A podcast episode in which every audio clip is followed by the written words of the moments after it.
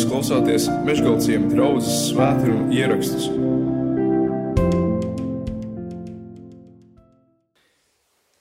Salamans raksta tā, arī šādu gudrību es esmu redzējis zem saules, un tā uz mani atstāja dziļu iespaidu. Bija kāda maza pilsēta, un tur iekšā bija nedaudz ļaužu. Tad pret to nāca kāds varans ķēniņš, ieslēdza to visapkārt un lika uzcelt pret to varenu aplenkuma nocietinājumus. Taču tur atradās nabaks, bet gudrs vīrs, kurš pilsētu izglāba ar savu gudrību, bet vēlāk neviens cilvēks vairs nepieminēja šo nabaga vīru. Tad es sacīju, gudrība gan ir labāka nekā stiprums, bet tomēr nabaga gudrība tiek nicināta, un viņa vārdi paliek neuzklausīti. Gudro vārdi, kurus mierā uzklausa, ir vairāk vērti nekā valdnieka brēkšana nelgu vidū. Gudrība ir labāka nekā kara ieroči. Tomēr viens vienīgs negantnieks var iznīcināt daudz laba. Tas ir Dieva vārds. Āmen. Lūdzu, apsēdieties.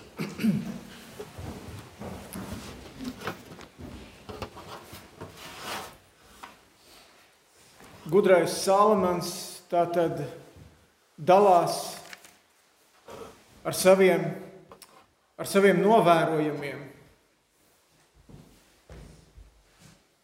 Un, ja mēs esam lasījuši Salamana rakstus, vai te būtu Salamana pamācības, vai Salamans mācītājs, tad šajās grāmatās viņš ļoti bieži arī izskan tāds ļoti pesimistisks. Un tas varbūt no vienas puses ir ļoti dīvaini, tāpēc ka Salamans bija bagāts. Ļoti bagāts, viņš bija ļoti veiksmīgs, viņš bija ļoti ietekmīgs. Ja? Un tad mums liekas, nu kas tādam cilvēkam nekait dzīvot? Tāds cilvēks gan varētu būt laimīgs savā dzīvē. Un tomēr, ja viņš bieži vien, kad mēs redzam, viņš saka, tas viss ir vēja ķeršana un viss ir, viss ir nekas. Uh, un šeit arī, ko es tikko nolasīju, šeit arī ir viens salamana novērojums. Un arī tas savā veidā tāds, nu, mazliet tāds, uh, nu, drusku pesimisms tur ieskanā, ieskanās iekšā.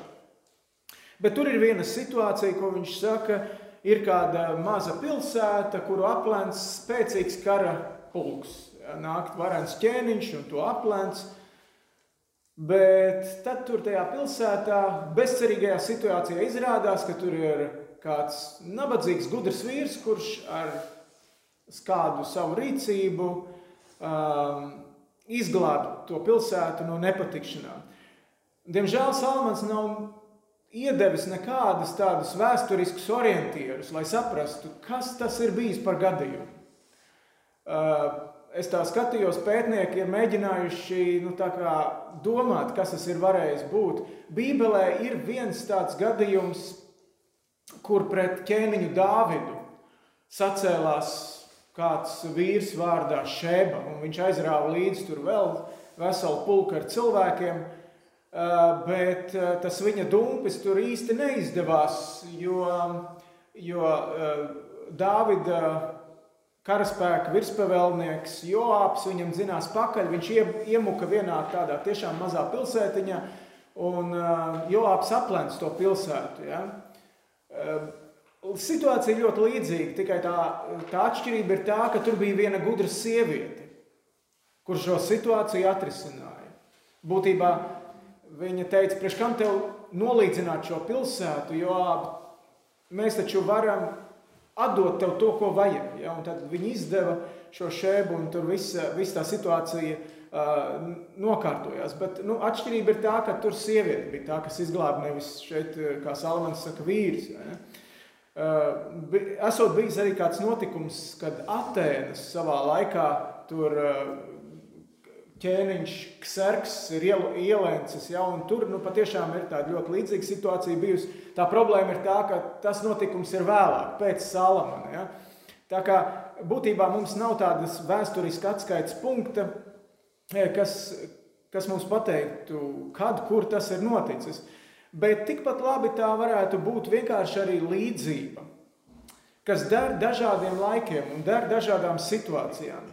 Un tā izskaitā arī es domāju, kad mēs lasījām un klausījāmies, mēs varam pamanīt kaut kādas līdzības ar mūsdienām, ar mūsdienu, varbūt pat politisko situāciju, vai arī ar tiem ideoloģiskajiem aplenkumiem, kādos mēs dažreiz dzīvojam, kur dažādas domas, dažādas idejas ap mums klaņo. Kā tad atrisināt šīs situācijas un kādu gudrību Dievs ir mums, ja, kā draudzē iedevis rokās, uh, lai mēs ar to operētu? Par to domāsim. Galvenais Salamana secinājums šeit beigās, ko viņš saka, ir, ka gudrība ir labāka nekā stiprums. 16. pantā viņš to saka. Gudrība ir labāka par spēku.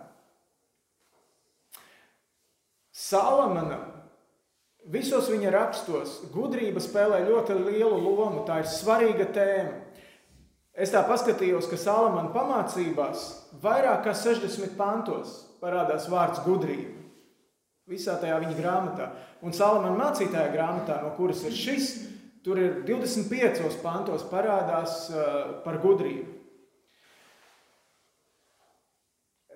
Kādreiz, tad, kad es sāku mācīties uh, mūzikas vidusskolā, tad mans skolotājs, mežģīgs skolotājs, viņš man, tur es pirmo reizi dzirdēju šo teicienu. Viņš gan krieviski skanēja, bet tā nozīme ir, ja tev, ja tev ir spēks, tad gudrību nevajag. Ja? Sila ješķu man ja nada. Spēks, ja spēks ir, gudrību nevajag. Tas, to viņš teica tajā situācijā, kad tu spēlē un tu pūti no visas spēka iekšā, vai ne? Un tev tur nesanāk, un tu vēlreiz, un vēlreiz, un vēlreiz. Patiesībā viņš man mācīja, viņš, viņš mācīja spēlēt tā, lai pēc iespējas sevis atvieglinātu to spēlēšanu, bet klausītāji nejustu, ka es tur ne, šmaucos viet vietām. Ja? Tad viņš mācīja gudri spēlēt. Ja? Ir jau arī teicieni, piemēram, ne, ko nevar ar spēku, to var ar vēl lielāku spēku. Eh, tādi mazliet humoristiski teicieni, vai ne? Eh, bet, bet, lai cik viņi būtu tādi humoristiski, šodienas tajā karā, ko mēs redzam, bieži vien jau mēs ieraugam tādus nesaprātīgus kara vadoņus, ne, kuri, kas domā, ka šie teicieni ir patiesi.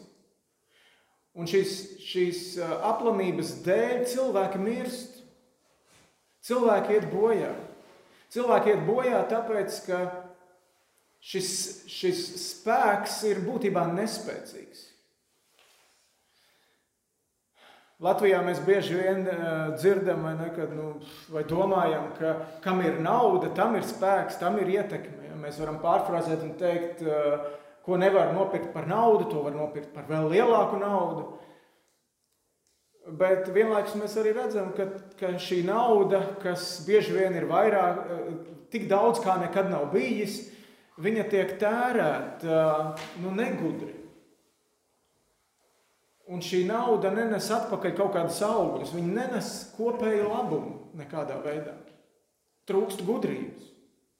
Protams, ka naudā ir, ir tas potenciāls, lai tur būtu no tās nāktu arī labas lietas.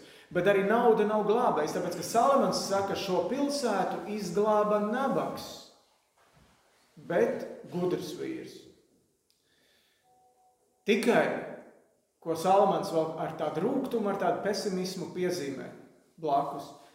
Viņš saka, šo nabagu neviens ar trīs zvaigžņu ordeni par viņa veikumu neapbalvos neviens viņa labo darbu neatcerēsies. Salmans mums nepastāsta neko par to, kas tā bija par gudrību, kā tas vīrs tur rīkojās, kas tas bija, kas izglāba to pilsētu. Taču Salamans arī kādās citās vietās savos rakstos saka, ka gudrības sākums, visas gudrības sākums ir bijāt Dievu. Dievbijība ir visas gudrības sākums. Un tādā ziņā mēs varam paskatīties uz šo dieva gudrību, kas mums ir atklāta caur mūsu attiecībām ar Jēzu Kristu. Caur Jēzu Kristu, ka mēs varam pieiet pie Dieva un iegūt visu šo dievišķo gudrības pārpilnību. Un tad, kad mēs atveram jau jauno darību un sākam skatīties, tad man liekas, ka mēs bieži vien tur saskarsimies ar tādām ļoti paradoxālām, dīvainām lietām. Bībele saka, ka Dievs kaut ko ir apslēpis šīs pasaules prātniekiem bet viņš ir atklājis bērniem. To, ko filozofi nespēja saprast un satvert, to var satvert bērns. Paradoks, vai ne? Bet viņš saka, tāda ir dieva gudrība. Kas ir muļķīgs pasaulē, to Dievs ir izredzējis, lai liktu kaunā gudros. Kas, kas ir nespēcīgs šajā pasaulē, to Dievs ir izredzējis, caur Jēzu Kristu, lai liktu kaunā stipros. To, kas šajā pasaulē ir nekas, to Dievs ir izredzējis, lai iznīcinātu to, kas domā, ka ir kaut kas. Spēks nespējā. Nabagi kas daudzus dara bagātus. Šāds skatījums ir ieraugams jaunajā darbā, gudrība caur Jēzu Kristu. Un šajā ziņā virsotne visai šai domai ir Kalnas prediķis. Jēzus Kalnas prediķis, kur viņš apsēžas kalnā ar saviem tik, tikko aici, sekot aicinātajiem mācekļiem. Un tur vēl ir daudz cilvēku bet viņš ir tik, tikko sācis, vai ne? Un tajā vietā, lai viņš sāktu iedrošināt un teikt, hei, jūs, man, kas tagad man sekosiet, jūs būsiet kaut kas varens šajā pasaulē. Jūs, jūs būsiet galva, nevis aste. Ja? Tad tā vietā viņš saka, svētīgi ir garā nabagi. Svētīgi ir tie, kam ir bēdas. Svētīgi ir tie, kuri ir lēnprātīgi. Svētīgi ir tie, kuri ir izsalkuši un izslāpuši pēc taisnības. Svētīgi ir žēlsirdīgie. Svētīgi ir sirdī šķīstie. Svētīgi ir tie, kas mieru nes. Svētīgi ir tie, kas tiek vajāti. paradoks. Kaut kas ļoti negaidīts, vai ne? Šāds kontingents, šādi cilvēki, tie ir tie svētīgie, jeb jaunais tulkojums saka, laimīgie. Tie ir svētīgie. Vai daudzi grib tādi būt? Vai mēs tādi gribam būt?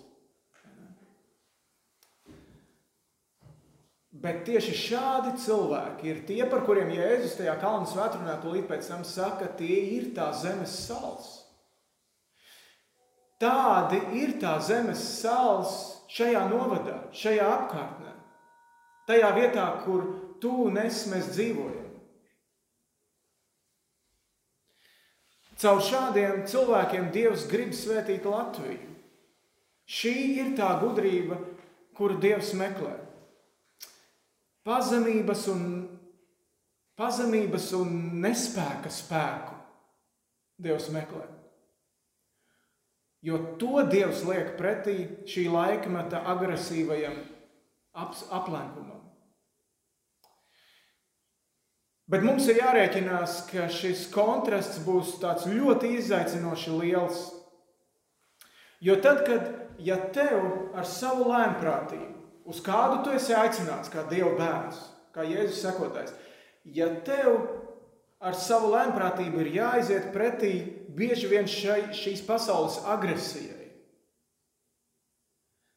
tad tas prasa, tad tā ir patiesa varonība. Bez viņa mēs tā nemaz nevarēsim. Bez, bez paša dieva spēka mēs to nemaz nevarēsim. Ja šīs pasaules netaisnība ir jānoliek pretī tā taisnība, ko Dievs mums ir atklājis svētajos rakstos, tad tas prasa drosmi. Ja nemiera cēlājiem pretī mums ir jāiziet ar savu mieru, kā miera nesējiem, tad tas prasa ticību. Apcietinātu sirdžu vidū dzīvot ar savu sirds šķīstību un tīrību, tur ir vajadzīgs spēks. Un tā mēs redzam, ka šis vājums, pēdiņās vājums, ja, kā mums var likties šajā Jēzus nosauktajā sarakstā, viņš īstenībā ir daudz aktīvāks, kā mums varētu šķist pirmajā acu uzmetienā. Ka mēs tādi vāji, kusli, bāli, antiņi vai gatiņi šeit dzīvosim.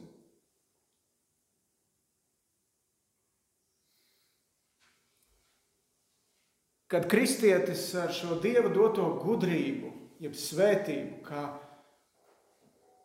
kā nabaks pasaules uztverē, no pasaules puses skatoties, bet viņš nostājas uz šo negāciju fona, viņam ir jāizceļas. Tad, kad briljantus noliek izstādē, lai viņus aplūkot, viņus bieži vien noliek vai ne uz melna samta spilventiņa.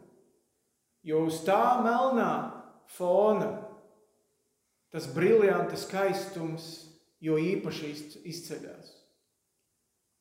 Un tieši tāpatās vis visām šīm Jēzus nosauktajām ne, tām, e, tām, tiem tikumiem, tām īpašībām ir jāizceļas uz šīs pasaules fona. Jo pilsēta kalna galā, mēs esam pilsēta kalna galā, mēs nedrīkstam būt apslēpti. Mēs, mēs nevaram būt apslēpti, ja, ja, ja pa īstam tādi esam mūsu, mūsu pilsētai, mūsu ciematam, mūsu Latvijai ir jātiek eh, svētītai, mūsu zemē ir jātiek izglābtai mūsu klātbūtnes dēļ. Mēs esam sāls šajā putrā, šajā zupā, kas padara viņu daudz maz baudām. Kādreiz Ābrahāms kaulējās ar Dievu. Jūs būsiet lasījuši, dzirdējuši, zināsiet šo stāstu eh, par Abrahams kaulējās par, par divām pilsētām, kuras Dievs gribēja iznīcināt. Tāpēc, ka tās patiešām bija ļaunas. Tas bija kā tas melnais samtas pilventiņš, vai ne? Tur nekā laba nebija. Dievs sūtīja savus eņģeļus viņus iznīcināt. Bet tajā pilsētā dzīvoja Lats, Abrahama brāļdēls. Un Abrahams iestājās par šīm pilsētām. Ja tur atrastos 50, vai tu iznīcinātu šo pilsētu? Dievs saka, nē. Un Abrahams saprot, ka nu, nebūs varbūt tur tie 50, nu, bet 45. Un viņš tik kāpj uz leju, jo saprot, tā pilsēta ir tik ļauna, ka tur pat nebūs tie 20. Ja, viņš beigās nonāk līdz ciparam 10. Un Dievs saka, nē, pat ja tur būs desmit taisnu cilvēku, pat ja tur būs desmit briljantu uz melna samtas pilventiņa fona, ja, ja desmit tādi būs, es neiznīcināšu to vietu. Izrādās, ka tur pat tie desmit nebija. Bet mēs esam aicināti būt. Redziet, Salamans visbeidzot saka, ka, ka visticamāk to mūsu sāli vai to mūsu klātbūtni šajā vietiņā, šajā pagastā, šajā novadā. Visticamāk, ka mūs uh, pat nepamanīs gala beigās. Mūs nenovērtēs, un mūs bieži vien varbūt pat aizmirsīs. Un nezinās, ka, ka caur ne, draudzes lūkšanām tik daudz sliktu lietu ir pagājis garām mūsu, mūsu zemē. Bet tas nekas. Es gribu vienkārši iedrošināt mūsu kā draugu. Turpinam būt sāls, turpinam būt gaisma, turpinam būt Kristus labā smarža šajā vietā. Turpināsim lūgt, turpināsim kalpot viens otram vispirms jau. Turpināsim kalpot šai sabiedrībai, turpināsim svētīt Latviju. Ir tāda veca kristīga dziesma, dari gaišu savu stūrīti. Iededzini vienu mazu špicku, ja, un tavs stūrītis jau būs gaišs. Tev nav lāpa jāizdedzina, varbūt. Ja. Bet dari gaišu šo mazo nīcas apkārtnes stūrīti. Un pašā beigās, tā lasot šo stāstu un par to pārdomājot, es domāju, kāpēc vispār šai nabaga vīra gudrībai bija iespēja izpausties. Jo, kad tu lasi, tā pilsēta bija maza un tur iekšā bija maz cilvēku. Bet pret to nāca viens varens ķēniņš ar lieliem karaspēkiem. Kāpēc viņš vienkārši nepārrulēja pāri tai pilsētai? Kāpēc viņš tur apstājās? Kāpēc viņš tikai aplenca to? Un kāpēc viņš deva tai pilsētai laiku? Kāpēc viņš deva laiku, lai izpaustos tā nabaga gudrība? Ne jau tāpēc, es, es nezinu, ja, tā situācija nav zināma, protams. Bet es nedomāju, ka tas bija tāpēc, ka tas karavadonis bija ļoti augstsirdīgs un labs, un uh, iespējams, ka ne, ne tāpēc. Tā bija Dieva žēlastība. Tā bija Dieva žēlastība, kas to, to lielo karaspēku vienkārši nobremzēja pie tās pilsētas. Un Dieva žēlastība bija tā, kas iedeva šo laiku pilsētā atrasties tam nabaga gudrajam vīram, kurš kaut kādā veidā, mums neaprakstītā veidā, izglāba to pilsētu. Un apustulis Pāvils tieši to pašu saka draudzēji. Izmantojiet šīs dienas ir ļaunas, izmantojiet laiku, šīs dienas ir ļaunas. Es nezinu, kā katrs no mums tās var izmantot. Lūdziet Dievu, katrs vai ne? Ko es varu tajā savā viensētā, vai savā dzīvoklī, vai savā mājā, vai savā miestiņā? Kas ir tas, kā es varu svētīt tos cilvēkus, kas man ir apkārt? Es ticu, ka Dievs jums iedos gudrību.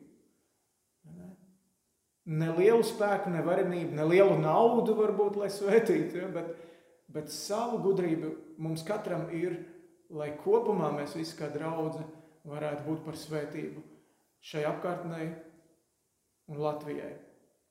Lūksim Dievu! Tēvs debesīs, mēs neaugstam būt kā draudzes skatuves gaismās, ka visi pamanītu un slavētu mūsu, bet, bet mēs lūdzam arī, ka tu neļauj mūsu bailēm vai mūsu tādai kautrībai noslēpt to gaismu, ko tu draudzēji esi devis. Un tāpēc es lūdzu, ka tu dod mums drosmi būt un turpināt būt atšķirīgiem, izcelties, neslēpt to, kas esam, un būt par svētību, būt svētīgiem. Es lūdzu, ka tu svētī mūsu ģimenes vispirms jau caur katru no mums. Svētī mūsu bērnus, svētī mazbērnus, svētī vīrus, svētī sievas.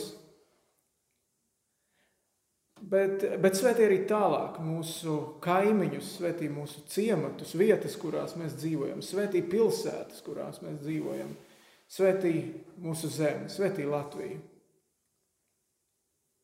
Tā ir mūsu sirds lūkšana. Jēzus vārdā. Āmen!